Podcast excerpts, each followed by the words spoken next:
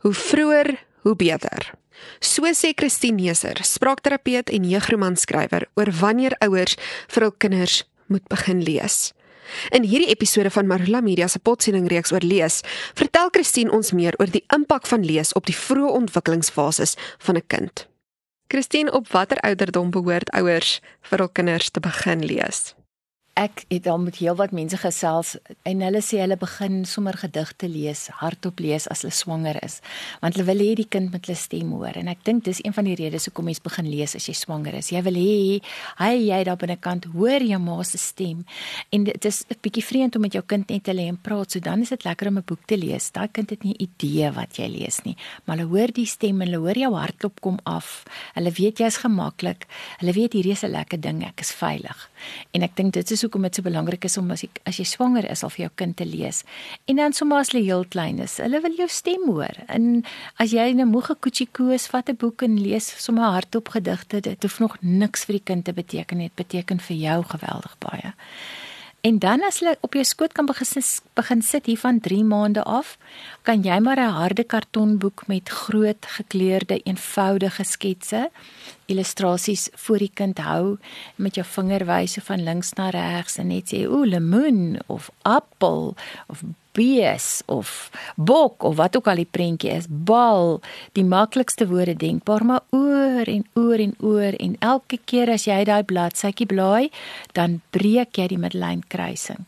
Die middellyn van 'n kind is 'n denkbeeldige lyn wat eh, vertikaal loop in enige mens se lyf en as die bladsy nou van regs na links oor daai lyn beweeg, dan skiet die kind se oogies na links. Dis 'n outomatiese proses en jy begin reeds die kind kondisioneer om van links na regs te lees.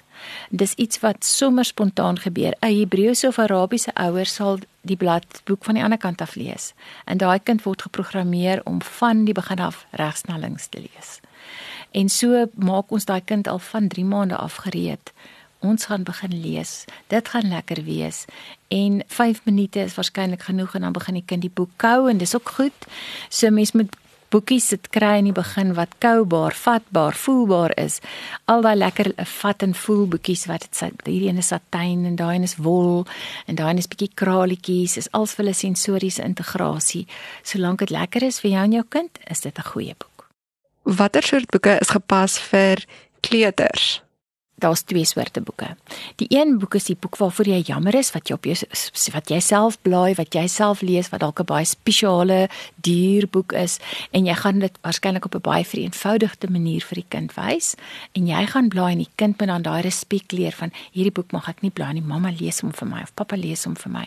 En dan jy jou ander lekker rof en chommel boeke wat hulle kan blaai en hulle kan maar die bladsy nou en dan skeur. Daar's al hierdie lekker boekies wat jy 'n ding kan skuif of oop maak, hier waar's Otto boekies. Ag, daar is die wonderlikste wonderlikste boeke in elke taal onder die son.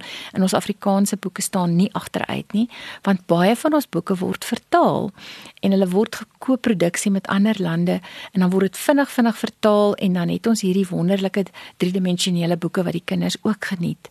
Maar nog steeds is die storie en die stem van die ouer of van die volwassene wat vir die kind lees belangriker amper as die goetertjies en die triks in die boek. Maar kinders het hulle gunstelinge en jy sal dit vind soos wat jy aangaan. Die een kind is mal oor sê net maar ehm um, die Richard Scarry boeke waar enige ding wat wiele in het, sê net maar daai tipe boeke. Die ander wil 'n eenvoudiger storie hê met eenvoudiger sketse.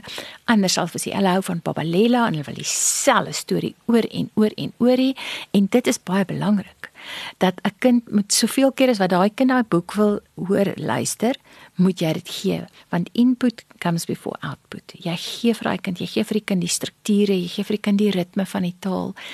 Die kind wil weet dit eindig weer gelukkig.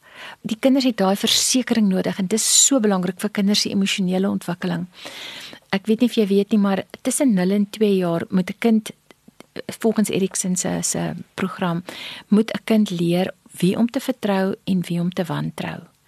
En dit is ook deel van die die leesproses. Ek lees weer vir jou. Jy kan my vertrou. Ek gaan weer die boekie lees en jy sal sien dit gaan weer die einde lekker eindig. 'n Kind wat nie dit het nie, gaan met 'n groot spul wantroue na die volgende fase, die 3 tot 5 fase, waar hulle begin onafhanklik raak. En dan is hulle nie is nie seker of hulle jou kan vertrou nie, want jy het beloof jy gaan weer lees. Uh, jy het nie weer gelees nie.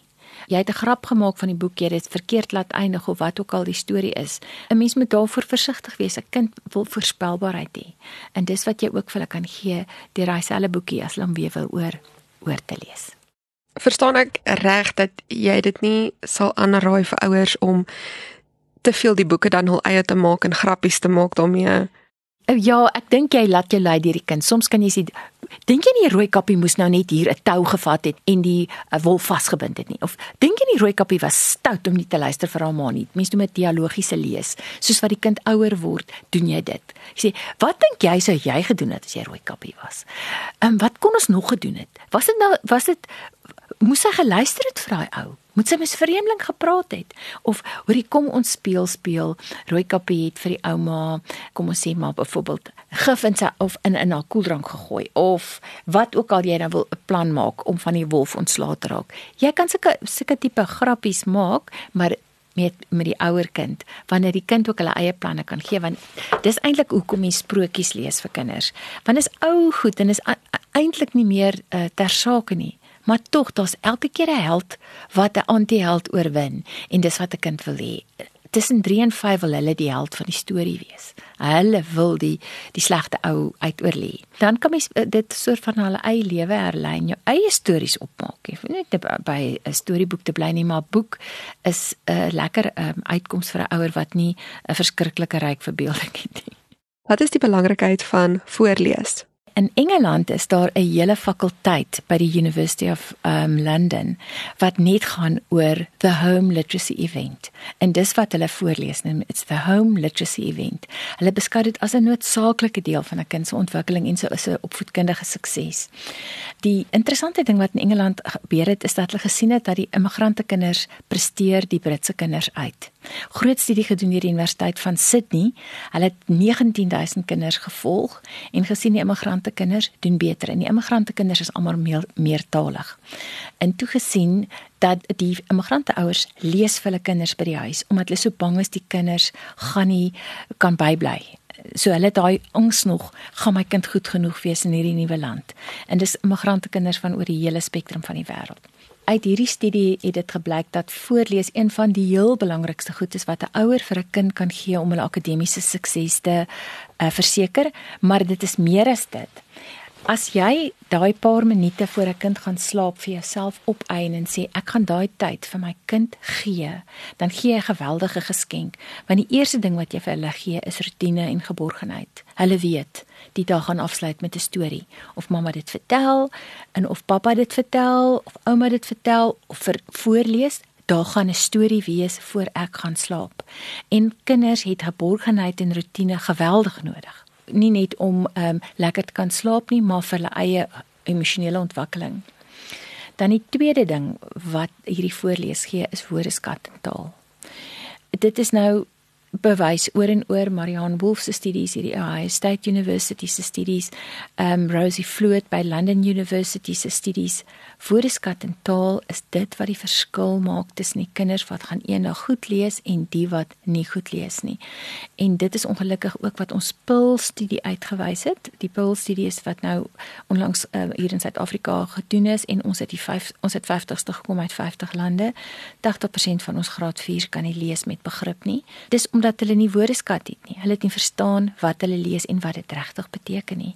En dit is die kinders vir wie daar ook nie gelees word nie, want die statistiek wat ek het is dat meer as 50% van kinders wat graad 1 toe kom het nog nooit 'n storie gehoor wat iemand vir hulle voorlees nie. En dis waar ons ons woordeskat kry. Die derde ding wat voorlees vir 'n kind gee is auditiewe prosesering, want jy moet luister, jy moet prosesseer. Jy moet sin maak van dit wat jou ma vir jou gelees het of wat jou pa vir jou gelees het. En dis een van die belangrikste goed. Dis ook in in daai breinhelfte in jou regterbrein waar jy met hierdie fantasie wat jy hoor begin prentjies maak. En jy skuif dit na jou agterbrein by die oksipitale lob. Daar gaan daar skielik visuele aktiwiteit aan as jy vir 'n kind lees. So hulle het gevind met MRI skanderings terwyl die kind luister, is die auditiewe area aan die gang en dan skielik dan kom daar sulke ligspatsels op die visuele area soos wat daai kind besig is om prentjies te maak in hulle koppe. En dit is ongelukkig 'n proses wat voor 6 jaar moet gebeur. Anderste eintlik is dit nag vir daai kinders. Hulle sukkel om prentjies te maak van dit wat hulle hoor. En nou moet jy verstaan hoe dit ook impakteer op die kind se ontwikkeling en se leesontwikkeling verder. Goed, en die ander ding wat so belangrik is vir voorlees is dis dis die ontwikkeling van jou pre-leesvaardighede. Want jy sit nou en lees en jy het jou vinger wat jy trek en dan later begin jy sê en toe kom daar 'n groot bruin w o h en jy spel daai woord vir die kind of die klank het vir die kind en daar begin jy klaar analise doen en sintese van klanke. So begin jy die voorleesvaardighede die hulle noem dit pre-reading um skills ontwikkel en daai kind gaan skool toe met al daardie goed reeds in plek. Die ander ding is jou tweetaligheid wat ontwikkel as jy in beide tale vir die kinders lees of, of wat ook al die huistale is. Jy bou daai woordeskat in daai tweetaligheid met jou voorleesstories in. Speel, speel as daai kind tweetalig teen hulle skool toe gaan. En die laaste ding is slaap. 'n Kind wat in 'n rotine is wat sy storieetjie kry, slaap beter. En dit is hoekom daar nie 'n skerm in die kamer moet wees nie, want die frontale lobbe word vreeslik geaktiveer deur die blou lig van 'n skerm. En dit neem die kind langer om in REM slaap te gaan, dis rapid eye movement sleep. En dit dit weerhou die brein ook om koneksies te maak as die kind slaap. Maar 'n kind wat met daai rustige brein van 'n storie gaan slaap, sy breintjie maak meer koneksies en dis 'n beter gekonnekteerde breintjie. So letterlik lees jy die kind aan die slaap en jy lees die kind slimmer want daai breintjie prosesseer terwyl hy slaap. En dit is my storie oor voorlees. Voorlees behoort eintlik elke kind se menseregte wees. Hoe lank behoort 'n ouer elke dag vir hulle kind te lees? Ek dink nie daar is 'n tydperk nie. Ouers is verskriklik besig. 'n Klein bietjie elke dag is beter as een lang sessie een keer 'n week. Maar as jy voor jou kind gaan slaap, herrens in jou in daai dag so tussen 10 en in 15 minute kan spandeer, het jy baie reg gekry. Ons kan ehm um, net nou gesels oor die million word gap by die State University of Ohio het hulle die groot studie gedoen met 'n klomp voorskoolse ouers en kinders en hulle het vir die ouers wat bereid was om deel te neem aan die studie boekies gegee om vir die kinders te lees. Maklike boekies. Hulle het die woorde getel in die boekies en die ouers moes onderneem om elke dag 5 van die kort stories vir die kleuters te lees. En hulle het die woorde getel en gesien dis 'n miljoen woorde. En toe het hulle begin praat van the million word gap want die kinders wat toe deur daai storieboeke is, het 'n voorsprong gehad oor hulle skoolmaatjies. En toe die studie nou die laaste wat ek gelees het, ehm um, geëindig het in 2019, het daai helping nog glad nie gekrimp nie. Het daai kinders deurgegaan die eerste 4 jaar van skool, was hulle los voor hulle ander maatjies. En dit is wat ek sê daai daai tyd en daai woorde wat jy vir 'n kind gegee het en daai veral die fisiese tyd op jou skoot is net onberekenbaar in waarde. So, hoeveel tyd? Soveel as jy kan. Skakel volgende week in om te hoor wat Christine oor lees en graad 1 te sê het.